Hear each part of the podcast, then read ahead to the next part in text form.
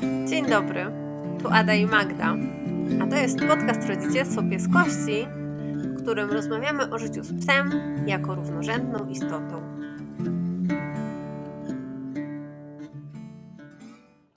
Cześć Ada, gdzie ty jesteś? No ja jestem w Gdańsku, a ty? Ja jestem w Gdańsku. I ja cię, to jest pierwszy odcinek, który nagry- nagrywamy razem. I e, zaprezentowałyśmy Wam nasze zdolności aktorskie i komedianckie, więc mam nadzieję, że się Wam spodoba.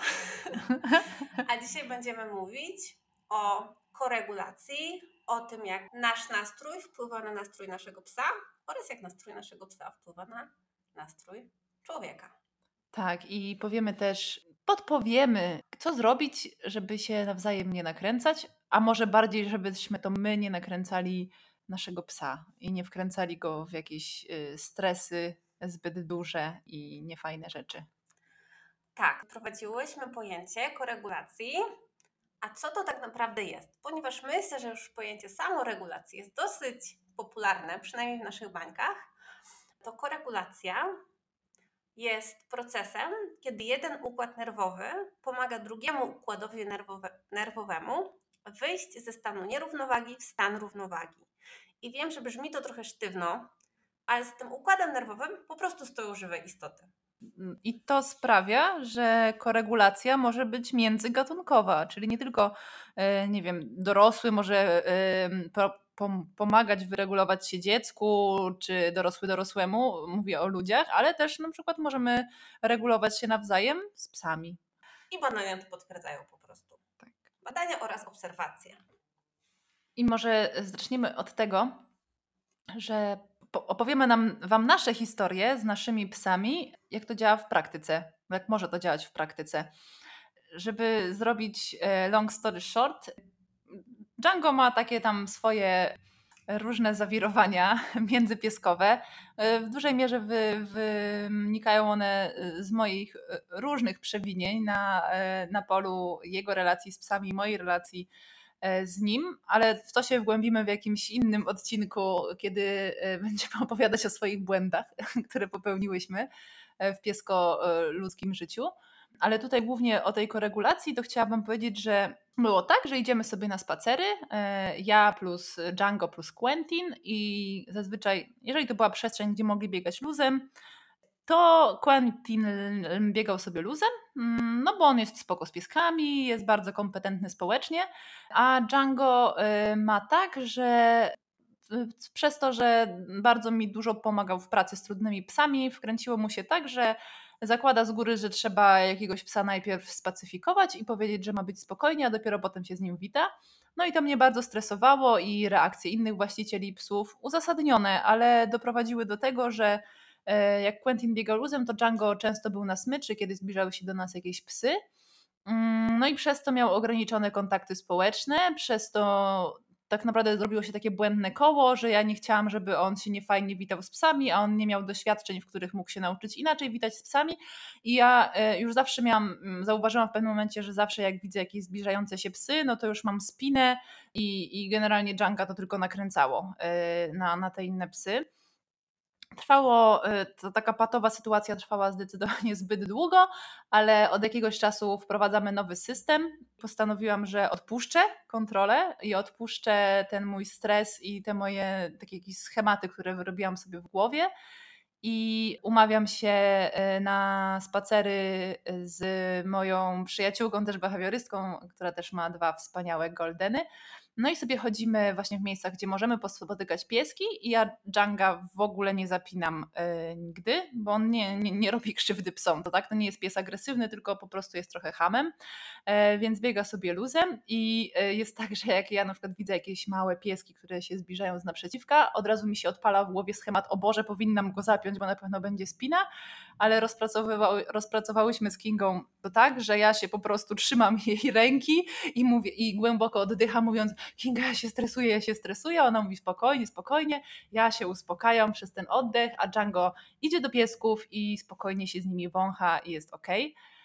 To pokazuje to, y, że jak ja się wyluzowałam, uspokoiłam, i e, ja się reguluję przy pomocy e, rękawa bądź pleców Kingi, to Django też mm, zdejmuje mu to jakiś ciężar z barków i ten stres, który miał ode mnie i okazuje się, że jest w stanie e, normalnie się witać z psami i normalnie z nimi wchodzić w jakieś relacje. To taka moja historia. Dzięki Ci za to, bo to jest takie, wiesz, trochę, trochę pokazanie swoich flagów ludziom. Mm. Moja historia jest podobna. Bambi, o której troszkę mówiłam w tym podcaście, trafiła do mnie interwencyjnie.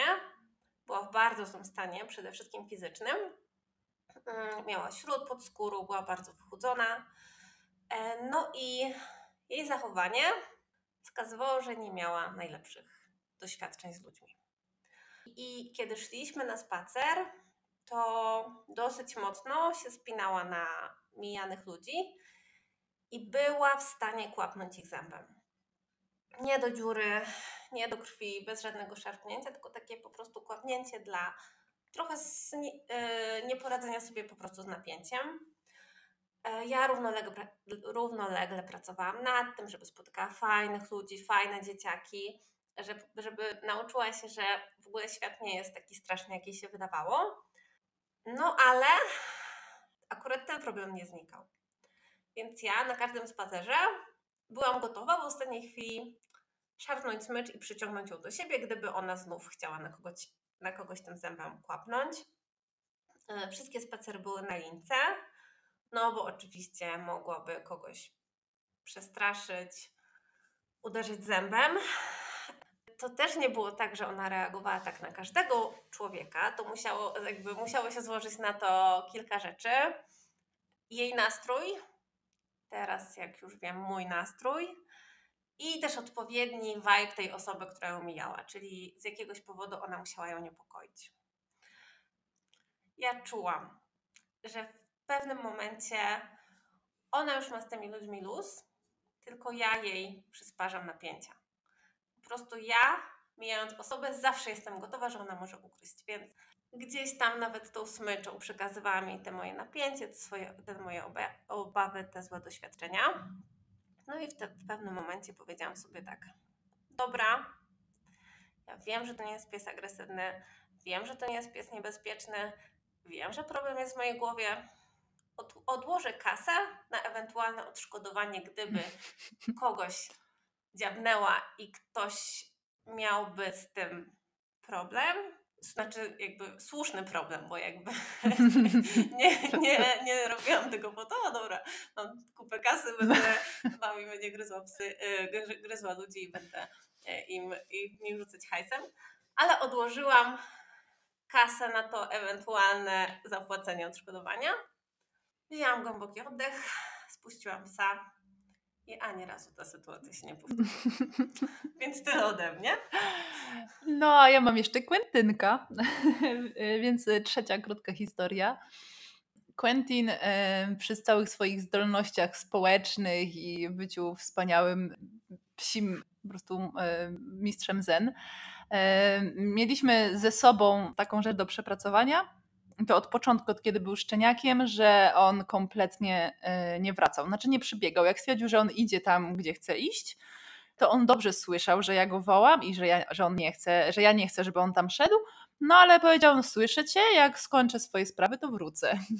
I to był pies, z którym nie dało się tego, nie wiem, wypracować przywołania, bo nie interesowały go smaczki, nie interesowały go zabawki, nie interesowało to, że ja odchodzę. E, generalnie w, swoje, w całej swojej niezależności on lepiej wiedział, kiedy ma wrócić. Było to dla mnie trudne, bo mm, też wiem, że poniekąd jest to cecha rasy, jakkolwiek to brzmi, że one są bardzo niezależne saluki. I to było dla mnie takie zderzenie e, po tym, jak e, miałam Django, Whippeta. One są jednak trochę, trochę bliżej, więc mimo, że przez Django musiałam patrzeć już daleko, gdzie on tam biegnie, to z Salukiem jeszcze tak pięć razy dalej. No i to było dla mnie bardzo stresujące i też e, w momencie, kiedy on już tam zaczął wchodzić testosteron i był takim podlotkiem, no to ja trochę się wkręciłam w to, że e, jak ja nie mam takiej nad nim kontroli, to ja go nie będę puszczać może w takich miejscach, że ja nie chcę, żeby on biegał, e, znaczy, że nie, chcę, chcę wiedzieć, że on na pewno do mnie wróci, to lepiej go może nie puścić, albo puścić go z linką e, i generalnie też drzeć japę, Quentin wracaj tu natychmiast, a on tym bardziej wtedy pokazywał mi środkowy palec, mówił nie stara, ja nie wracam. Też może też coś takiego, że nie wracam do takiej wkurzonej wariatki. Właśnie. Wolę sobie pobyć sam ze sobą i powiedzieć, bo się może uspokoi. Tak, tak, trochę te, te, też to tak było. Chociaż aż, aż na takie, co prawda na takie wysokie tony według mnie się nie wkręcałam, ale według niego możliwe, że to już było po prostu za dużo emocji. Mm, oczywiście jak do mnie przybiegał, to, to go nie biłam i nie karciłam za to, że odbiegł. No ale wiesz, no było Quentin, dziadu, gdzieś znowu polas. Mm, no i przyszedł taki moment, że ja siadłam sobie z nim w domu u nas i powiedziałam, Kłeniu, ja tak bardzo kocham i cenię Twoją niezależność i Twoją mądrość. Ja od Ciebie nic nie chcę. Nie chcę od Ciebie żadnych komend, żadnych rzeczy. Y, nie wiem, nic od Ciebie nie chcę, tylko jedna rzecz. Jak ja Cię wołam, ale tak naprawdę Cię wołam, nie tam, że o, Quentin, wróć, tylko jeżeli jest sytuacja, gdzie ja naprawdę jestem przekonana, że, że naprawdę, bo ty będziesz czuł, kiedy to jest naprawdę, a kiedy to jak moje widzi mi się z tym przebieganiem, to ja cię proszę, żebyś wrócił. Nie musisz wracać za każdym razem, ale wracaj wtedy, kiedy naprawdę cię wołam. I od tego momentu Quentin wraca. No ja Czyli ja odpuściłam to, że on musi być, że się odwoływać, jak ja sobie to wymyślę. Odpuściłam, powiedziałam, jesteś wolnym, wolną duszą, za to cię kocham, to w tobie cenię wracaj tylko, kiedy naprawdę cię wołam, a ja obiecuję, że będę cię wołać wtedy, kiedy to jest naprawdę niezbędne, żebyś był bezpieczny. O kurde, ja mam ciary, jak, jak już któryś raz w tym podcaście. I też od razu mi się, Ada, y, nasuwa y, to taki temat, o którym teraz na spacerze rozmawiałyśmy przed, przed chwilą, przed tą nagrywką, że jak umawiamy się my albo my osobno umawiamy się z jakimiś znajomymi, powiedzmy, no niekoniecznie behawiorystami, ale ludzi, którzy e, kumają e, ten, ten, ten, ten vibe, z tak, bajki, z, z naszymi przyjaciółmi i z psami, to że nigdy nie ma żadnych spin, jakiejś niepewności wśród psów i wśród ludzi. Nawet jak się nie widziałyśmy, nie wiem, 5 lat się możemy nie widzieć, tak? A to zawsze jest super powitanie i super flow. I się zastanawiam, czy to jest kwestia że te nasze psy są takie czaderskie, co oczywiście, że wiadomka. Czy jest też to kwestia tego, że my podchodzimy z inną wibracją w ogóle do tego spotkania i z innymi emocjami i na luzie i, i z, tak jakbyśmy całe wiedziały i całe były tym, że wiemy, że będzie ok i że to pieskom się udziela. Tak, a i wiemy, że nawet gdyby była jakaś mikroaferka między psami, to to ludzie nie zrobią z tego większej afery niż trzeba. Nie mam na myśli, że psy się pokryzą, tylko że no, na przykład będą bardziej takie sztywniackie na początku. Mm-hmm. To jakby my i tak wiemy, że te osoby to zrozumieją, więc nie mamy sobie napięcia w związku z tym. No, czyli znowuż koregulacja. Koregulacja. Wow. No jak gdybyśmy się tak zastanowiły, skąd to się wzięło, że oczywiście oprócz tego, że koregulacja po prostu istnieje też międzygatunkowo, to skąd to się wzięło, że psy są takie wrażliwe na te nasze emocje i te nasze sygnały, które wysyłamy swoim ciałem, bo, bo właśnie, bo to jest cały język psów, ciało, ciało, ciało, nie, nie gadanie, nie słowa, tak jak my, tylko ciało. Tak, jakby my nie posługujemy się z psami werbalnie, tak jak ja teraz z Magdą, E, psy z naszej komunikacji rozumieją nasz tembr głosu i emocje, które jakby przekazujemy w ten sposób, rozumieją naszą mowę ciała oraz rozumieją też taki aspekt, który dla jakby wśród ludzi jest bardzo szczątkowy albo w ogóle niedostępny. One czują, co hormonalnie dzieje się w naszym ciele.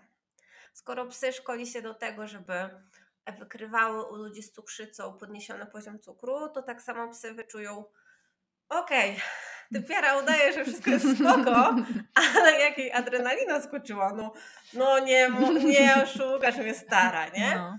Więc y, to są po prostu takie poziomy komunikacji, w których my nie nauczyliśmy się kłamać. Bo ile ja teraz, no mogę coś tam Magdzie nakłamać, nie? I może mi to nawet wyjdzie, to nie nakłamie i psu, że się super czuje, jeżeli się nie czuje super, nie?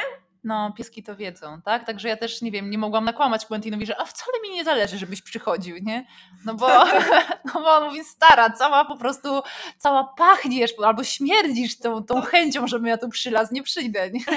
Więc y, nie, oszuk nie oszukamy i y, myślę, że też to no psy są niesamowicie y, socjalne, może nawet trochę bardziej socjalne niż my, że dla nich grupa i właśnie czytanie siebie nawzajem były mm, były takim warunkiem przetrwania. Bo właśnie, były warunkiem przetrwania. I też no. udomowienia, nie? Jako gatunku. Tak, bo właśnie, żeby y, jak zanim, tak jak psy się udomawiały, bo myślę, że to one nas udomowiły, a nie my ich, nie my je, to one musiały się nauczyć czytać ludzi, tak? Czytać, kiedy są wkurzeni i kiedy chcą ją odgonić tego psa albo go zeżreć, mam przykład, albo po prostu y, zrobić mu krzywdę, a kiedy są ok i z tymi ludźmi warto się zadawać i musiały po prostu nauczyć się nas czytać. Tak, a potem już żyjąc przy ludziach i pracując z nimi tak naprawdę, bo tak jak Magda mówiła, kiedyś pieski nie były do towarzystwa, e, tylko one musiały ludziom pomagać, robić określone rzeczy i, że tak powiem w cudzysłowie, zarobić na tą michę mhm. E, i na to miejsce przy rodzinie. Dlatego jeżeli szło się z psem na polowanie, to komunikacja musiała być dobra. Jakby pies musiał patrzeć, ok, człowiek tu dzidą śmiga, e, no to ja będę robił też swoją robotę, nie? Mm, no i to tak tytułem takiego zarysowania, jak to działa. A jak można sobie na spacerach y, właśnie poradzić z tym, no chociażby naszym stresem, tak? No, można sobie poradzić tak jak ja, e, wczepiając się w rękaw, tak w rękaw ja, przyjaciółki. Ja odkładając hajs. No, o, można sobie poradzić odkładając hajs na odszkodowanie, ale można na przykład sobie śpiewać albo nucić po to, mm, żeby wyrównać oddech. Dlatego, że kiedy wyrównamy sobie oddech, albo właśnie śpiewając, bo śpiew wymusza troszeczkę kontrolę nad oddechem, albo mrucząc, bo też samo mruczenie ma taki wpływ, że uruchamia nam się układ przywspółczulny, taka część e, autonomicznego układu nerwowego, która odpowiada za relaks, za wyciszenie, e, za to, że mm, właśnie zaczynają nam się wydzierać hormony, które nas wspierają w tym wyciszeniu. Więc właśnie i mruczenie, i taki świadomy oddech pomaga nam się przełączyć z tego trybu walcz, uciekaj i trybu stresu bądź zamrożenia na, e, na, na ten takie odpuszczenie, wyciszenie i, I równowagę. I równowagę no. Więc y, właśnie czy mruczenie, czy śpiewanie, czy po prostu świadomy oddech już na poziomie takim mm, neuro, y, y, układu nerwowego i takim poziomie fizjologicznym organizmu nam mm, pozwala. No i a propos na przykład chowania się w rękaw koleżanki, wzięcie kogoś ze sobą na spacer. Tak, no ten pomysł z Kingą, która wiesz, że ona ogarnia. Tak, tak, bo to też jest ważne, że właśnie Kinga też jest behawiorystką, więc ja wiem, że jakby co, to, to ona ogarnie, a ja będę mogła tam paść trupem gdzieś obok. Więc to mi daje takie mega wsparcie i takie poczucie, że nie jestem z tym sama i że ona dźwignie. No. Czasem e, właśnie tak jak mówisz, wzięcie kogoś ze sobą na spacer, czyli trochę przełożenie tej jakiejś części odpowiedzialności na drugą osobę, zdjęcie mhm. sobie tego z głowy, super działa u mnie w pracy, kiedy przyjeżdżają klienci na spacer. Ja mówię, dobra, teraz umawiamy się, że wszystko jest na mojej głowie. A wy mhm. w ogóle odpuszczacie, nie przejmujecie się i jakby ja biorę na siebie odpowiedzialność za to, że ten pies nie zrobi nikomu krzywdy i nikiemu nie zrobi krzywdy. I to działa od razu. No, spuszcza napięcie. To działa od razu. Od razu jest ten, no, albo psa się spuszcza, albo nie. To zależy też od E, od psa i od jego problemów, ale to jest takie okej, okay, to ta pani się tym zajmie, a my już nie musimy się takim przejmować. To, to ta pani ma OC i jakby co, to, to z jej kieszeni pójdzie, tak. nie? Znaczy z jej ubezpieczenia. Tak. Nie no, i, i ale też y, na przykład po to druga osoba żeby na przykład sobie z nią gadać czy coś i żeby trochę zdjąć y, ten nasz taki Fokus. ten fokus na psa i na to, co on robi, gdzie on biega, taka, że niby jest luzem, a tak naprawdę jest na takiej mentalnej smyczy. I a jak sobie z kim zagadamy coś, to trochę ta uwaga się rozprasza i też psu zdejmujemy z barków ten nasz stres i, i tę naszą niepewność, więc to też. Tak. Mhm. A jak na przykład nie macie y, kogoś, żeby sobie pójść z nim na spacer, to, y, to co, jak można sobie rozproszyć tę uwagę? Tak, no wiem, że Magda była zaskoczona tym moim pomysłem, ale akurat ja to stosuję też jako e, w takiej sytuacji, kiedy zachęcam moich klientów do odpuszczenia aportu i, i rzucania psu ciągle piłeczki i okazuje się, że często oni mają z tym większy problem niż z psem, bo mają wolne ręce, nie bardzo wiedzą co robić, spacer im się wydaje taki bez sensu i bezczynny. Ja mówię, no dobra, po coś jest ten Instagram? Skrolujcie sobie Instagrama, skrolujcie sobie Facebooka, zajmijcie się tym i dajcie trochę psu spokoju. Mhm. I to faktycznie działa, żeby tą uwagę, tak, właśnie tak jak Magda mówiła, ten straszny fokus troszeczkę rozproszyć, troszeczkę odwrócić, troszeczkę nawet przykleić się do jakichś takich fajnych, wspierających treści, a pies sobie skroluje po prostu łąkę, No. okolice, las, drzewka i nie? A to od ciebie są ci wszyscy ludzie, którzy non-stop chodzą z nosami Tak. w telefonach, a ja dostaję białej gorączki. Jesteś z tym psem na spacerze, czy jesteś z telefonem? A oni po prostu swoją rozpraszają uwagę. Tak, to są, e, tak, e, stosują się bardzo do zaleceń. Ojejku. A, a co na przykład, jak już zdarzy się jakaś spina między psami? No, wie, wiemy, że nie mamy agresywnego psa, który będzie chodził i rozszarpywał małe chihuahy. Tak. No w takiej sytuacji, kiedy widzę, że dwa psy się do, ciebie, do siebie zbliżają i te łapy są sztywne. I te ogony są wyprostowane. I te po prostu miny są grożące. I ten kark się jeży. Co najlepsza rzecz, którą można zrobić. Jeżeli wiemy, że to nie są psy zagryzające inne psy, robiące im rany i, i niebezpieczne, proszę się rozejść. Idziemy w drugą stronę. Możemy też zawołać swojego psa. Nie, nawet nie po to, żeby go odwołać, tylko żeby dać mu znak. Ej, stary, ja cię w tym nie wspieram. Mhm. Ja Że nie- ja odchodzę, nie? Tak, ja ci nie, do, nie dodam jeszcze tego animuszu podbiegając do ciebie i Mhm. wystawiając, jakby dając ci, och, dobra, atakujemy razem, Tak, mimo tak. że może naszą intencją jest jakieś rozdzielenie czy cokolwiek. Mhm. Najlepiej się rozejść.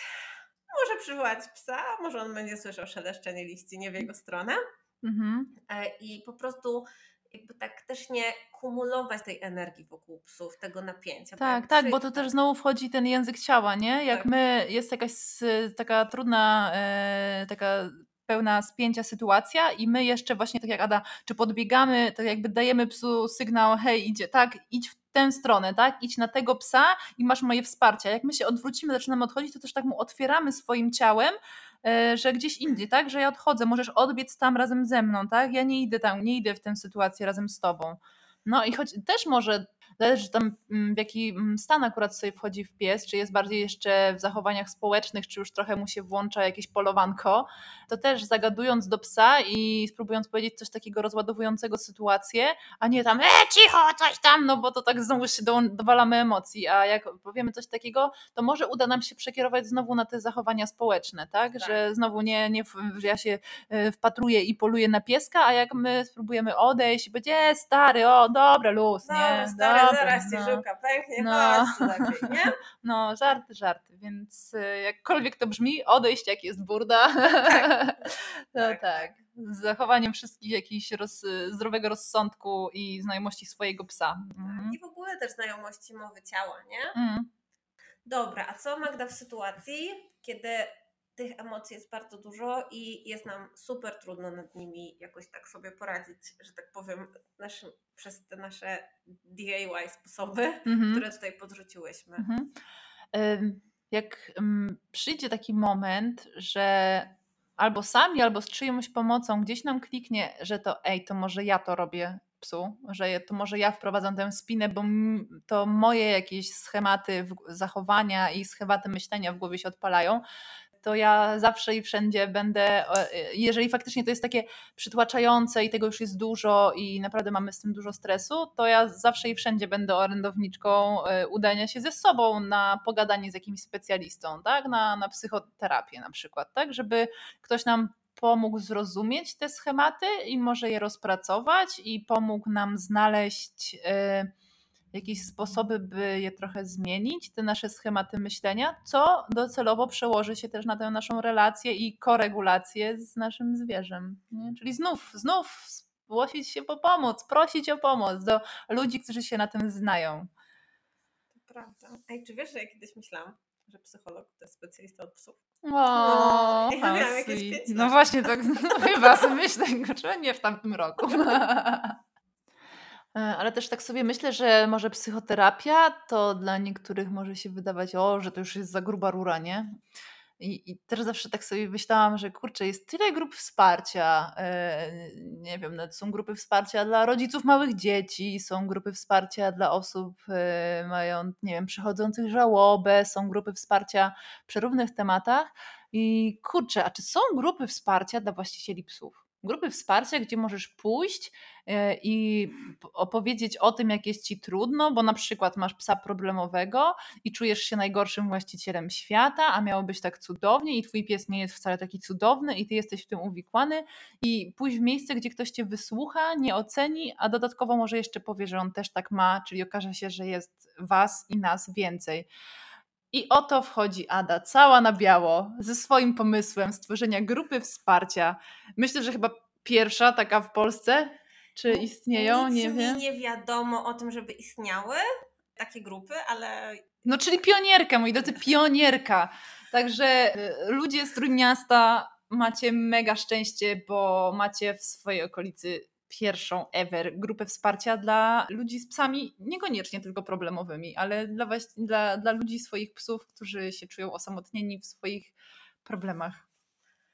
Dzięki no i co, może Ada, może coś powiesz na ten temat? Dzięki, to było mega słodkie wprowadzenie. Przysięgam, że się na nie nie umawiałyśmy.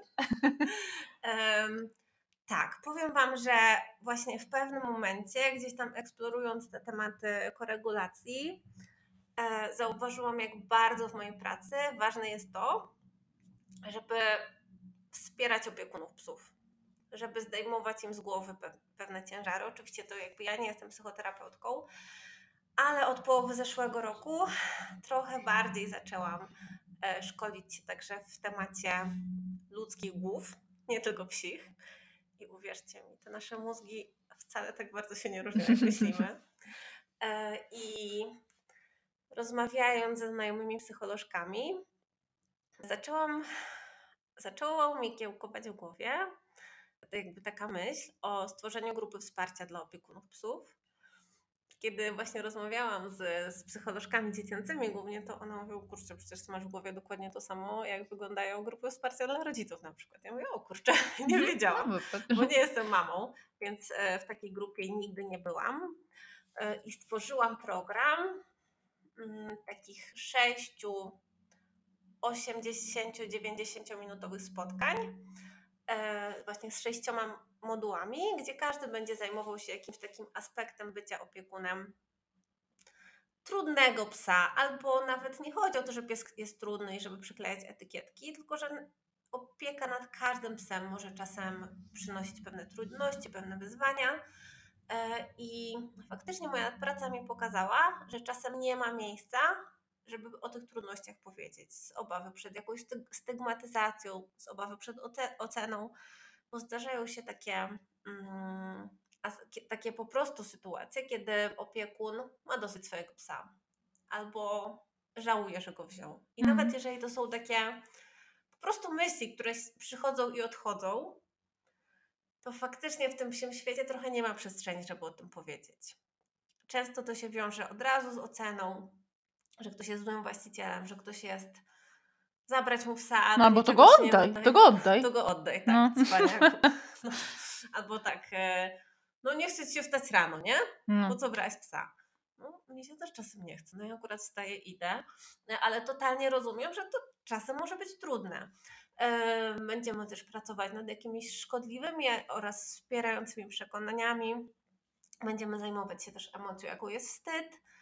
I bardzo bym chciała, żeby zrobić taką fajną przestrzeń osób, wśród których można bez obaw mówić o swoich emocjach w związku z byciem psim opiekunem. Czasem dobrym, czasem złym, ale zwykle takim najlepszym dla swojego psa. No. Po prostu. No. Więc słuchajcie, jeżeli chcecie, to zapraszam. Informacje są na moim fanpage'u. Bliżej psa, myślnik Adrianna Bader. Mhm. Ja też podlinkuję na Talk with Dog. O. I podlinkujemy też w opisie odcinka. Tak No, jest, żeby ci nie, nie facebookowi ludzie nie musieli sobie gdzieś tam szukać w tych czeluściach przepastnych. Tak, a jeżeli też nie znajdziecie, to po prostu piszcie na maila. No, Yy, który też jest w, w opisie odcinka. każdego odcinka. Możecie też inne rzeczy pisać oczywiście. Czekamy na wasze maile. No, no więc to będzie, jego brzmi to czadersko, bo to będzie takie utulenie, przytulenie i taka mała wioska, nie? Wioska wsparcia, która jejku, sprawi, że się nie czujesz sama jako mama, mama Boba. E, wiem, jakie to ważne, żeby się nie czuć e, samemu z jakimiś, wiesz, z, z, takimi rzeczami, bo często właśnie przy takich myślach, Boże, bo oddam go, nie? E, Najpierw je mamy, potem mamy ogromne wyrzuty sumienia, przecież jak ja mogłam tak pomyśleć o swoim ukochanym psie, E, a potem na pewno jestem jedyną osobą na świecie, która tak myśli i to mnie czyni w ogóle jeszcze nie dość, że okropnym e, człowiekiem swojego psa, to okropnym człowiekiem w ogóle, nie? Mm, Tak. I potem patrzysz na tego psa i masz takie trudne emocje, trochę wyrzut sumie, sumienia, No, trochę, trochę go kochasz, trochę jest źle, że tak pomyślałaś, znów się robi jakieś napięcie, nie? No tak, warto no jest tak. usłyszeć, to jest okej, też tak mam, no. nie wywaliłam psa, wiesz, w lesie, No. mimo że czasem miałam ochotę go zamordować. Ale nie? akurat smycz nie, nie było smyczy pod ręką. Przegryz, kurde. Następnym razem trzeba łańcuch to nie Tak. przegryzie. No. E, tak, Właśnie mam- aż Quentin podszedł do Ady i mówi, o ty Jesus, co, co ty gadasz w ogóle, hello? Oj, Tak, bo są tutaj z nami e, Django i. Quentin, tak, bo Bambi stwierdziła, że po spacerze to jedzie spać. Mami sobie zażyczyła swankę, a chłopaki to e, dzielnie nam e, Towarzyszą. Dzielnie nam towarzyszą. No tak, jakby miejsce już mamy, będą kocysie, będą podusie, będzie picie, będą stosy chusteczek, jeżeli pojawią się też trudne emocje, więc serdecznie Was zapraszam. No, czadersko.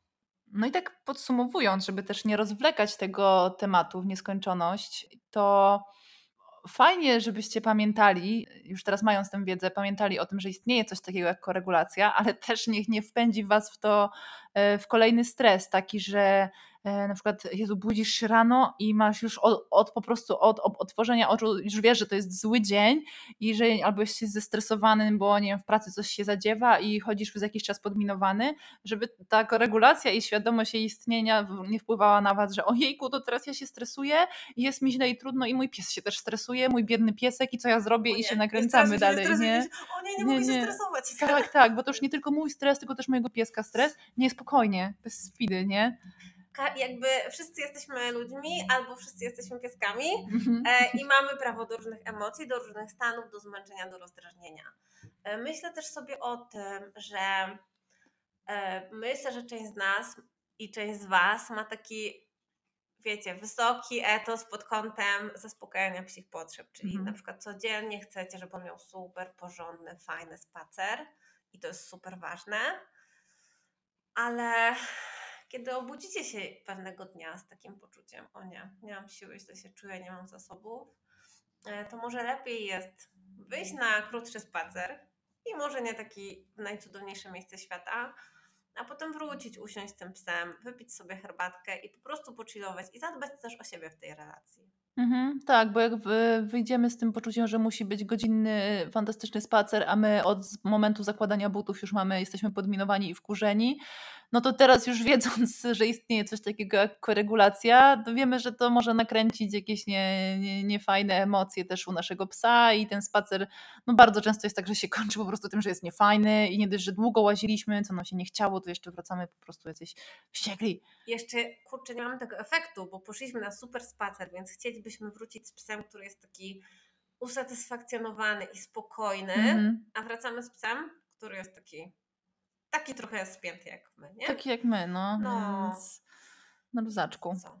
Koregulacja jest fajna, działa i też y, fajnie jest o tym pamiętać, że właśnie jak nie mamy jakichś tam grubych problemów behawioralnych z psami i, i z naszą relacją, to może właśnie warto pomyśleć o tej koregulacji i właśnie podbać o ten świadomy oddech, czy o tego znajomego na spacerze, czy na cokolwiek e, innego Wam tutaj zagrało, że może u Was się sprawdzić i że może regulując siebie uda nam się, czyli tę naszą e, część tej relacji, regulując siebie, wyregulujemy też psa i potem się okaże, że te takie e, problemy typu Django Ham odejdą, tak? Albo się zmniejszą zdecydowanie, bez żadnej e, grubej pomocy behawiorysty, prawda?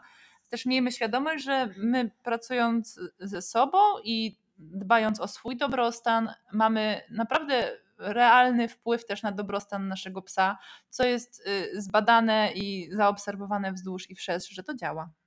Może czasem warto zamiast inwestować w kolejne psie szkolenie, zainwestować w masaż albo jogę o, dla siebie. No, Nie? albo cokolwiek Wam po pozwala się właśnie wychillować i zrzucić ciężar z barków. To co? Chyba to wszystko. To chyba nasz pierwszy, tak naprawdę wspólny, wspólny odcinek, bo właśnie dotykam Adę. Boże, a, mam jej dłoń w swoich dłoniach. Chyba bardzo byśmy chciały no. jeszcze.